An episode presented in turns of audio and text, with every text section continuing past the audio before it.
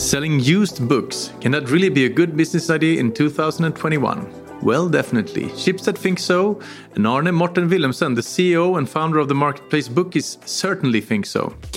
In this episode, Arne Morten talks about life as a digital antiquarian. Bookis is a digital platform for buying and selling new and used books. The company that was founded in 2016 by Lasse Brurock and Arne Morten Wilhelmsen are totally in line with today's recycling society and they have clever distribution. In Norway, Bookis is already a well-established brand and last year's launch in Sweden went very well. Arne Morten, welcome to Schibsted Talks. Thank you, thank you. Let's talk about Bookis. Used books, is that really a good business idea? I would say so. We have a really large market. There's high yearly volumes. There's a huge untapped uh, resale potential. How did you come up with this idea? Well, that goes back to uh, my education. I, I, was studying in the States, um, where in, in Seattle. Uh, bought all my books on Amazon while, while living there. Uh, buying used books was quite easy from Amazon. And then I came to Norway, worked a little bit in the finance industry, and then got a job later on as CFO of a startup. Um, and uh, needed to buy uh, a textbook to to learn more about accounting and then I started looking in Norway and and uh, started on Google, googling for this book I was recommended. Ended up actually on a in, on a Finn ad where a student had listed tons of books she was selling, and uh, and one of them was this book. And I sent her a message. Ended up meeting her at uh, her school. Actually the second time uh, we were supposed to meet we could meet up because the first time she was just yeah not showing up. So it's just a lot of hassle and um, buying this used book was a huge pain. And I, I, started wondering why why is it like this? Uh, i mean i was buying books on amazon in the states and that was super easy yeah so that's where it started and and uh, we started analyzing and and uh, found out that uh, it's just too hard to sell books uh, really there is no easy way to to sell used books online in in norway and even on amazon it's not easy for an individual to sell a used book so that's where we started and now it's easier than ever basis was sort of an influence then yeah, well, the early days, uh, I would say. Uh, however, we started at a, at a very different problem. This problem is just we started with the problem of resale. Why is it so hard to buy used? Um, yeah. How do you make money? In what way in Bookis? Uh, our model is transaction fee based. So uh, on every transaction, uh, there's a small fee for, on the seller side. So our model is really high volume, high stickiness. Um, that's our road to success. So when I was a law student in the 90s, I would have loved your your idea. Do you get a lot of students? Oh yeah, for sure. I mean, that's really where we started our problem hypotheses. Is the students is uh, is the ones that are getting the most ripped off in terms of uh, not being able to buy and sell easily. You could imagine not having a nice uh, ecosystem online for textbooks. It, it means you you have to buy in your small local market. So, uh, but now students can buy uh, books from my hometown Tromsø and get them delivered down to Oslo uh, in a matter of a couple of days. Yeah, students really love our service, but um, it's important to emphasize that now uh, we're getting more and more readers, avid readers, people that love books using Bookis because we have the largest selection of books in Norway uh, and the cheapest prices explain to me as well because the, the, the, smart distribution is part of the, the business idea as well right? Explain that to me. How does it work? It started with an idea from our side that we just wanted it to be seamless. And um, it so happened to be that uh, we met up with uh, a guy that uh, started working for Helthjem and they had a project uh, in in the works at the same time as we were starting Bookis, and that was the C to C distribution, pickup from home and delivery straight to your house. So that means we are picking up books from our sellers from their doorstep or their mailbox and delivering it, it all the way to the um, buyer's uh, mailbox.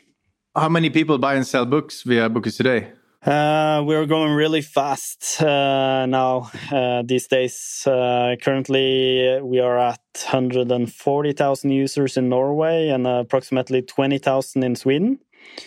and it's like we're growing at like three times, four times uh, every year. Uh, so it's a lot of transaction these days, especially in January and August. It's like high peaks because of students. Ah, when school starts, and I'm guessing this last the pretty horrible year must have been pretty good for you business wise. Yeah, I mean, we've been one of the lucky ones that's uh, not been affected much, really. Um, I can't say that like that I can see in our traction that that Corona is uh, affecting us positively, but I can't deny it. So um, the growth we're seeing now, I think it's mostly organic, but uh, there's of course some of that is uh, is more demand as well in the online market. And you launched in Sweden one year ago, right? Uh, yeah, we uh, exactly one year ago we uh, launched uh, or soft launched, you could say, with our web platform. Started getting uh, some transaction volume and testing and uh, and getting our supply chain working. And then we really hard launched now in August. And which markets are up next then? We are currently in a screening phase and a selection phase of our next market, so we'll see. But it's most likely going to be a European uh, market. You won't give more intel than that. no, we um, we are really considering now um, uh, the strategy, and um, there's a lot of things in the works. So, uh, are you an avid reader yourself? What's on your bedside table? Yeah, I love to read. Uh, however, I've come to uh, reflect on uh, whether I'm an avid reader or not. There's a there's a lot of people reading a lot of books. We have uh, users that read like 300 books a year. What are you reading right now? well, I'm reading a book uh, by Jonah Berger called um, Contagious.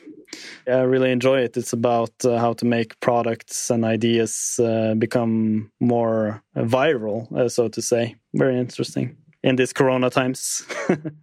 that sounds like business literature, sort of. Are you more into that than, than uh, Knausgård? Well, um, I mostly read uh, like um, things that can develop me uh, personally or something that's business related.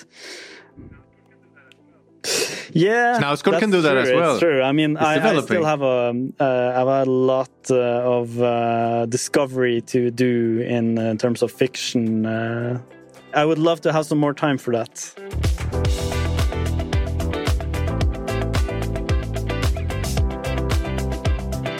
So, in general, how much cheaper is it to buy a used book on Bookis compared to a new one? Books in use condition is usually between like 50 to 90% cheaper than than the new books. Uh, people list books quite cheaply because you know it's it's not just the money they want from selling it. It's also just the um, aspect of getting rid of it in a way that's uh, environmentally friendly.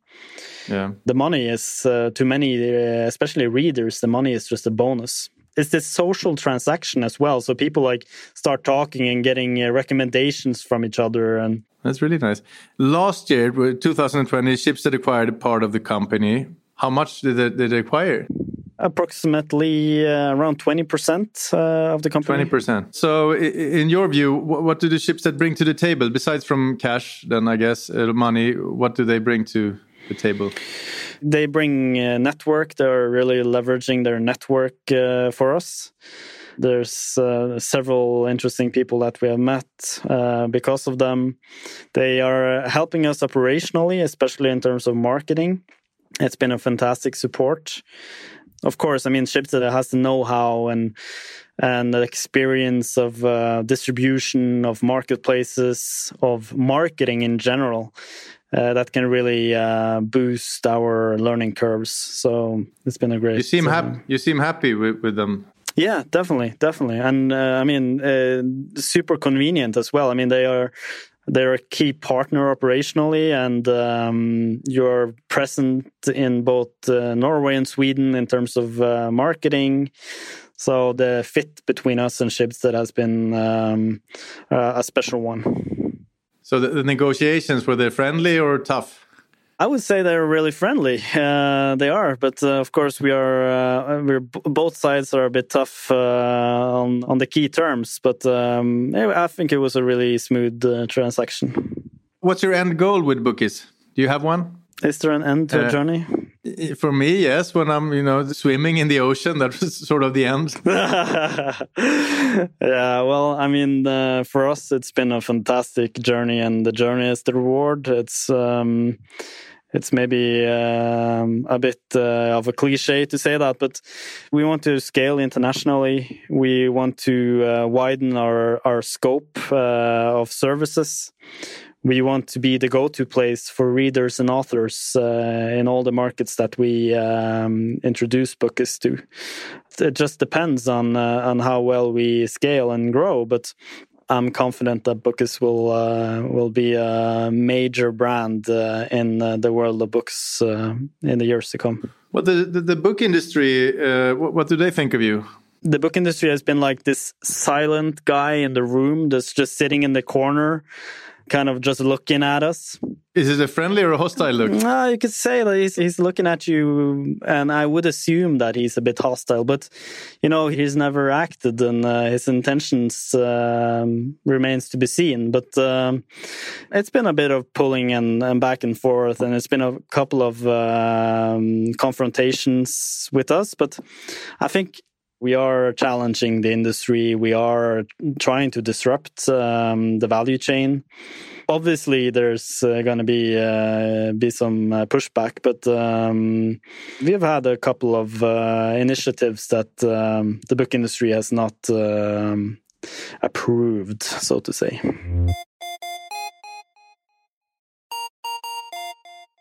A secondhand bookshop it could be a lot of things. It could be amazon. It could be a nice old antiquarian on the corner. Where would you put Bookis on that spectrum the way uh, we differentiate ourselves is that we are a product based bookstore. So instead of going to Finn or going to Facebook or going to Tise or any of these other secondhand uh, classifieds, when you enter Bookis, you search for the book you want and you find it with an overview of all the sellers of used and new uh, books.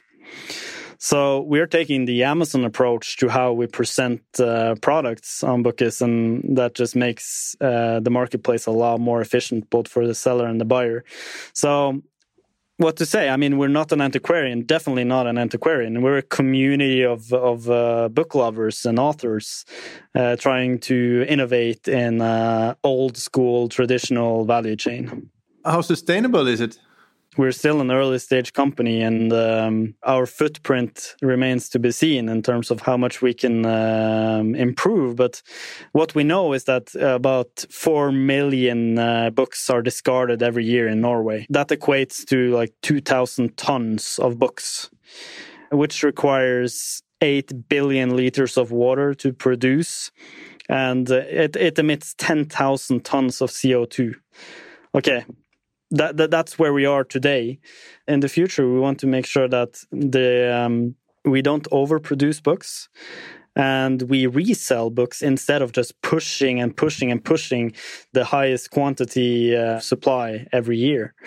I think we can uh, really be beneficial in terms of um, of tapping the potential of sustainability in in uh, the books industry distribution of your books, sending it all around the world, how eco-friendly is that? Well, I mean, Helthjem, uh, they have the numbers on that, uh, but um, from what I can see, they are they are pushing really hard in terms of uh, on lowering their footprint in terms of CO two, and their vehicles are mostly electric. Their um, couriers usually walk on their on their routes, so of course, there's some emissions there, but it's definitely less emissions uh, from recycling and reselling books than producing more and more and, and uh, distributing it through the traditional value chain. Thank you so much, Arne Morten. Thank you for coming to Schibsted Talks. Thank you. Thank you, Hugo. It's uh, been a pleasure. This podcast was brought to you by Schibsted Employee Branding Team. My name is Hugo Renberg and the producer was Jens Back.